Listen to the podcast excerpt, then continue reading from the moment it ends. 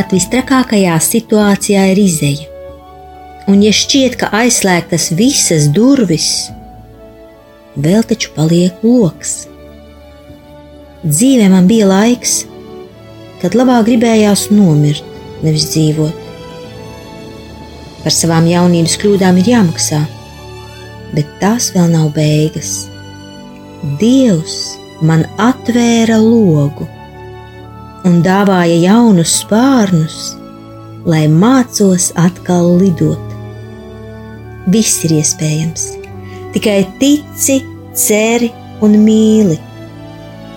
Dievs ir ar tevi arī tad, kad tu to nejūti. Es to zinu droši. Laura. Šādi vārdi ir uz grāmatas pēdējā vāka.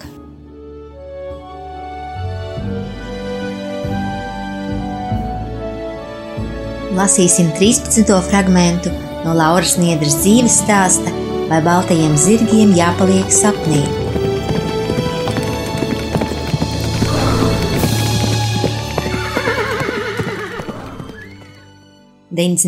Gada 4. septembris.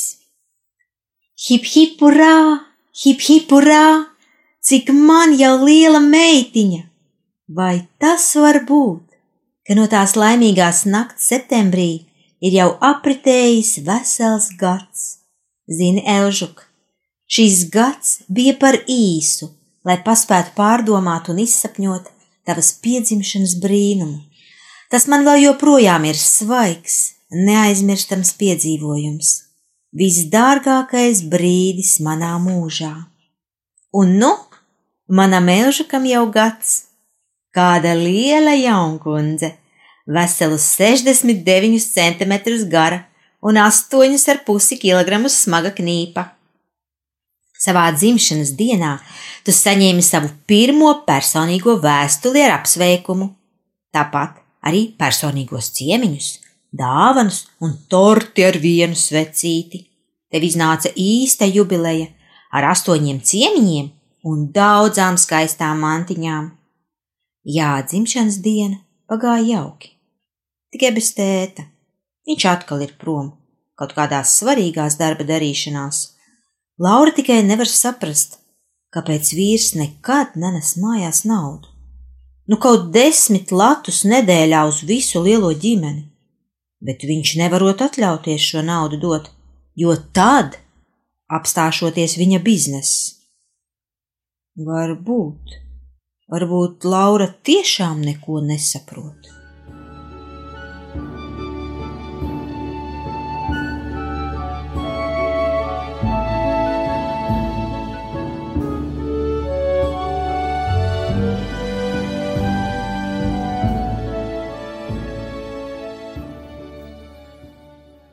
Deviņdesmit devītā gada 6. oktobris. Mīļā čibuce! Tevi vest ārā, tas ir briesmīgi. To ar rokām slauki ielu un grābies iekšā katrā mēslu čupā. Tev patīk bārstīt smiltis un arī iebērt padruskai sev mutē. Spēj tikai tevi uzmanīt. Nu vai nav traki? Šodien tu atklāji peļķu mīcīšanas prieku. Līdz šim nelaidu tevi peļķiem ne tuvu, bet šodien to bija pārāk daudz. Nekas cits neatlika kā iecelt tevi zābaciņos un laist. Peļķes tiešām dabūja trūkties. Daļa to satura tika iešrakstināta zābakos un iesūcināta biksēs, daļa ar pirkstiņu palīdzību mutē. Tagad tu atpūties pēc lielajiem darbiem. Arī zābaciņi cenšas atgūt darba spējas, tupot virtuvē un sildoties. Uz savu 13 mēnešu jubileju tu iemācījies jaunu stiķi, uzkāpt uz lielā krēsla. Nu, tik ir jāuzmana, kur krēsls nolikts, ja pie loga, tu pēc mirkļa jau danco pa palodzi, ja pie akvārija, tad tur strauji sarūk ūdens, ja pie galda pazūd viss, kas uz tā atrodas. Drīz visas mantas laikam vajadzēs karināt pie griestiem, lai nenonāktu tev zobos.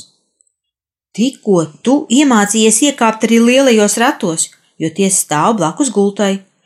tīri vai bail atstāt tevi vienu kaut uz mirkli. Ar savu 13. mēnesi tu esi pieteikusi streiku ēšanai no karotes. Tu pat nepagaršo, kas ir uz karotes, vienīgi, ja karoti iedod tev rokās. Bet tad bieži vien putra nokļūst matos, degunā uz drēbēm, uz grīdas, nu jā, nedaudz arī mutē. Tagad dodu tev tikai to, ko tu vari saņemt pirkstos - augļus, sieru, desu, kartupeļus, cepumus, maizi. Cerams, ka tev pāries tas niķis. Jā, saprotu jau, gribas būt patstāvīgai. Laurai ir ienācis prātā, ka viņa varētu kādu grasi nopelnīt, pieskatot citus bērnus. Savējā jau tik liela un patstāvīga, ar diviem būtu jautrāk. Tāpat Elīzai tūlīt pabalsts saruks līdz septiņiem latiem piecdesmit santīmiem, kāds liekas grasis noderētu. Un Laura ievēro kādu sludinājumu tramvaja gala punktā, kur divgadīgam puisēnam tiek meklēta auklīte uz pāris dienām nedēļā. Laura piezvana un tūlīt pat sarunā tikšanos. Jau pirmajā tikšanās reizē Laurai jūs vietā pasprūk vārdiņš tu, jo viņai šķiet ļoti mīļa un patīkama šā mazā puisēna māmiņa. Tas saucas saprašanās no pirmā acu skatiena. Tā nu Elīzai tagad ir jauns draugs, divgadīgais ritvars, Arī viņiem ir saprašanās no pirmā acu skatiena, varbūt mīlestība. Kad Laura Ritvaram jautā, Pēlīzes gribi? Puisēns ar spiedzienu metas mazulai ap kaklu un bučo nost. Tāpat Elīza Ritvaram pakaļ vien staigā. Mājās kūsā dzīvība un jautrība. Ritvars jāpieskata tikai četras stundas, tātad Laura var nopelnīt dienā divus latus. Tā meitenei šķiet diezgan liela nauda, ja ņem vērā šo knapināšanās laiku. Tas ir vienīgais ienākuma avots, un Laura ir pateicīga Dievam par šo iespēju.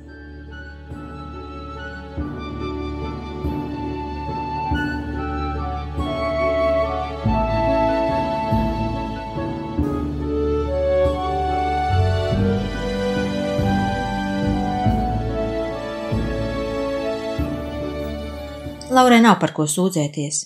Viņi dzīvo labi, ir pāēduši, siltumā un laimīgi. Pusdienas sanāk no skolas pārpalikumiem, bet brokastīs Laura regulāri vāra uz vārstu putru ar medu un dažādām riekstu piedevām, ļoti garšīgi un veselīgi. Gatis tagad pārsvarā dzīvo pa savu lauku garāžu un mājās ierodas tikai piekdienas vakarā svinēt dusas dienu. Redzot, ka Laurai ir iekrājies kāds latiņš, Viņš nekautrējas šad tad arī aizņemties, bieži vien uz neadošanu. Dusas dienas Laurai šķiet tik garas, tās ienes spriedzi un izjauc ierasto dienas ritmu. Tās padara nervozu gan Lauru, gan mazo meitiņu. Laura cenšas būt mīļa, laba, nevainojama sieva. Viņa rosās visu piekdienu, lai sagatavotu vīram labu maltīti, Tikai šajā dienā Laura atļaujas nopirkt sardeles vai kādu vistu, lai nebūtu jāēd pliki kartupeļi. Viņai tas šķiet pats par sevi saprotams, ka vīrs labi jāpabaro. Pārējās nedēļas dienās gaļa pavīd viņu ēdienkartē tikai no skolas atlikumiem, bet Laura par to neskumstit nemaz. Var taču iztikt arī no auzu pārslām, un tas ir pat veselīgāk. Kad mazulis aizmidzināts, Laura pieder vīram, Aiz fiziska un garīga pārguruma meitene gan neizjūt nekādu lielo vēlēšanos pēc tuvības, taču domāt tikai par sevi jau nedrīkst, un Laura ziedos sevi pilnībā. Meitiņa, kā jau katru nakti, vēl divas reizes mostas, lai pazelētu krūti, un tad jau ir pienācis rīts. Vēl viens smags, dusas dienas rīts kad Laurai ar mazo muksi vajadzēs tikt galā baznīcā veselas divi ar pus stundas. Gatis turpretī cītīgi klausīsies svētrunu. Šie stresa pilnie mirkļi iespiežas katrā Laura šūnā, bet draudzē visi priecājas par paraugu ģimeni, kura vienmēr ir pilnā sastāvā. bet cik spēka tas atņem, ka tikai meitiņa neiepīkstētos un nenokaitinātu tēti, jo viņam nav citas audzināšanas kā pēriens. To Laura savai mazulē nenovēl. Mājās pārbraukusi Laura steidz noģēbt mazo un sildīt pusdienas, kamēr Gatis kleksē pa tiešo no katla. Ja Laura lūdz pagaidīt, Gatis iezveļas dīvānā un aizmiega bet Elžuks piņķerējis mammai pa kājām un traucē darboties. Pēcpusdienā Laura vēl izved mazo ārā, lai svaigā gaisā mazinātu šās dienas spriedzi. Laurai ir nepatīkami un smagi sev atzīties, ka viņa gaida ātrāk pienākam vakaru, lai Gatis dotos prom un mājās atkal ienāktu miers. Jo Gatis ir kā vēl viens apkalpojams cimperlīgs bērns, kurš dara tikai to, ko vēlas, turklāt nav sodāms un ieliekams kaktā.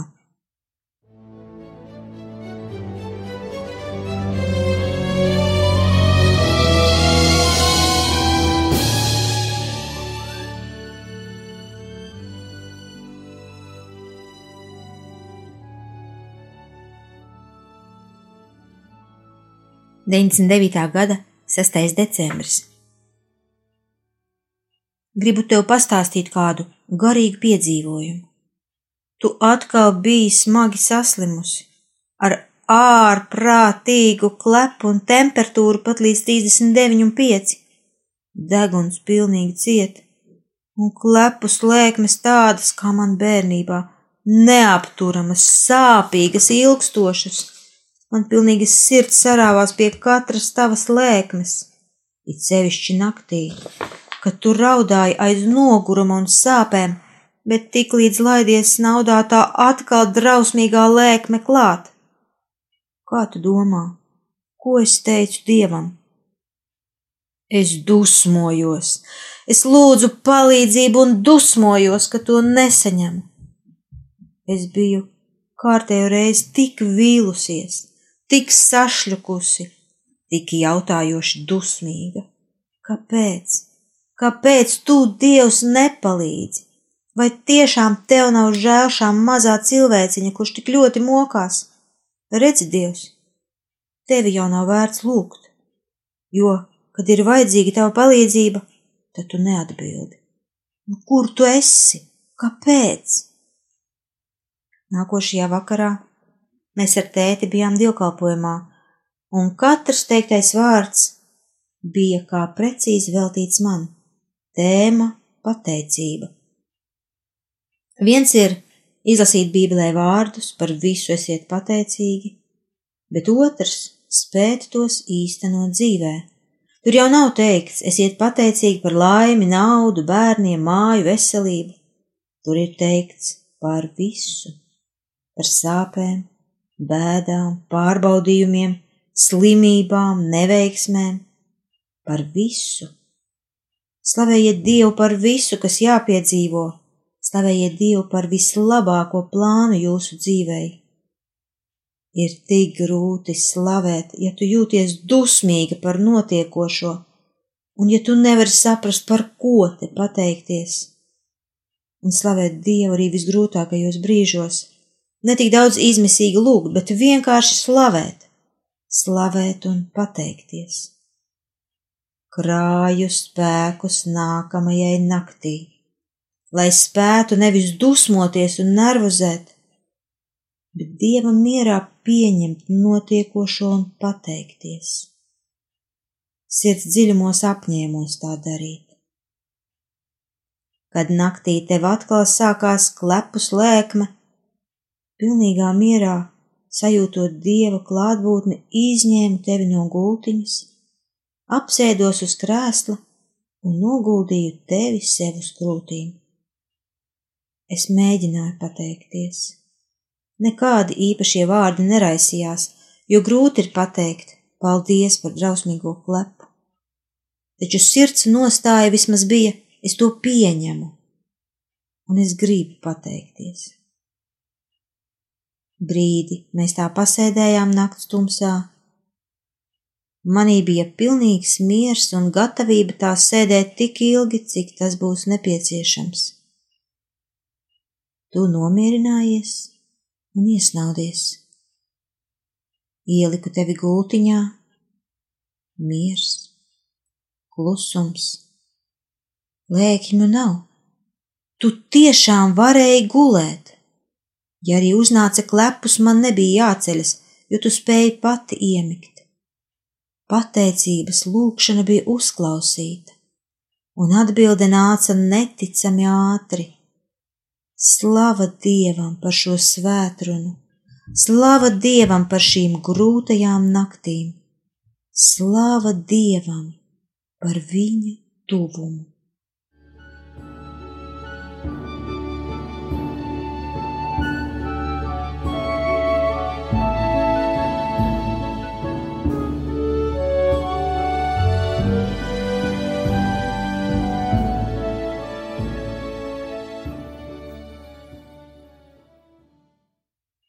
2000. gada 3. janvārī. Nu, meita, esam iesoļojuši jaunajā tūkstošgadē. Šoreiz gan ne tik skaļi kā pērn. Raķešu laiku tu pārcieti pilnīgā mierā. Tētis gulēja, mēs ar tevi stāvējām pie loga un skatījāmies, kamēr tev apnika. Tava galviņa gurdi noslīdēja man uz pleca, un miega rūķis, neskatoties uz troksni un krāsainajām debesīm, bija klāt. 2000. gada 2. februārī. Mīļo apaļo siltumiņu, man jau sen neciešas tev ierakstīt lielos jaunumus. Tu prasies uz podiņa, dažreiz arī pati pakluso apsēdies, un tad lepni nesrādīt, ka tev podā ir čura. Tas jau nekas, ka caur biksēm izšķurāta. Nu, vispār tu esi liels, liels malacis. Gādās jau vēl arī diezgan bieži piečurāt bikšeles, bet tā tu skrien un ziņo saķērusi galvu rokās. Ai, ai, ai! Tevī arvien vairāk izpaužas ļoti prasīgs, nepiekāpīgs raksturs, nu īsts lauvēns. Ritvara mamma par tevi teica, nākošā priekšniece. Tu esi mazs, enerģisks, pasaulē atvērts, burvīgs ķipars. Tikai kā man tādu lauvēnu pareizi audzināt? 2000. gada 5. aprīlī.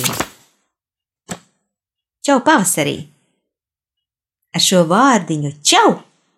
Tu tagad uzrunā katru, kas tev nāk pretī, Tikai cilvēki laikam īsti nesaprot tavu izrunu un neatbild.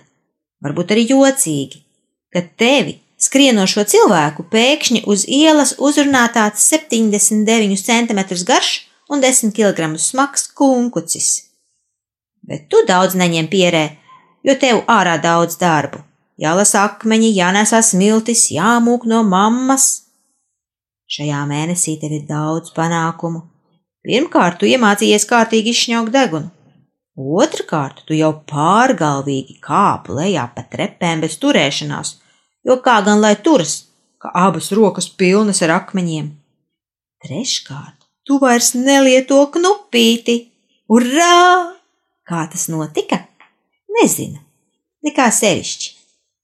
Vienkārši vienu vakaru tu biji pārāk nogurusi un es iedomājos, ka tev varbūt nebūs spēka raudāt pēc knupīša. No tās reizes tā arī sāku likt tevi gultiņā bez knupīša. Tu tikai piegrāb pilnas rokas ar zvēriem, un knupīti nemaz neprasi. Tas tiešām ir svarīgs sasniegums. Tev ārkārtīgi patīk zīmēt, un arī, ka tev zīmē priekšā. Agrāk tu vilki tādas vieglas švīkas pa visu lapu, bet tagad tev patīk zīmēt tādus sīkus, neatkārtojamus ķimeriņus. Vēl tev veicas ar sevis apzīmēšanu. Tev ļoti kārojas paveikt šo blēņu darbu. Tu pakluso švīkā sev plaukstiņu un ar baltu aci caur pieri lūri uz mani. Vai es redzu, ko es teikšu? Vispār, ja tev padomā kādas blēņas, kaut ko noķiept, kaut ko iebāzt mutē, kaut ko noslēpt, Tā tevi nodod šis skatiens caur pieri. Tas tev izdodas tik burvīgi, ka man nāk smiekli. lai gan vajadzētu palikt nopietnai. Tas bija 13. fragments no Lauras Niedras dzīves stāsta, vai baltajiem zirgiem jāpaliek sapnī.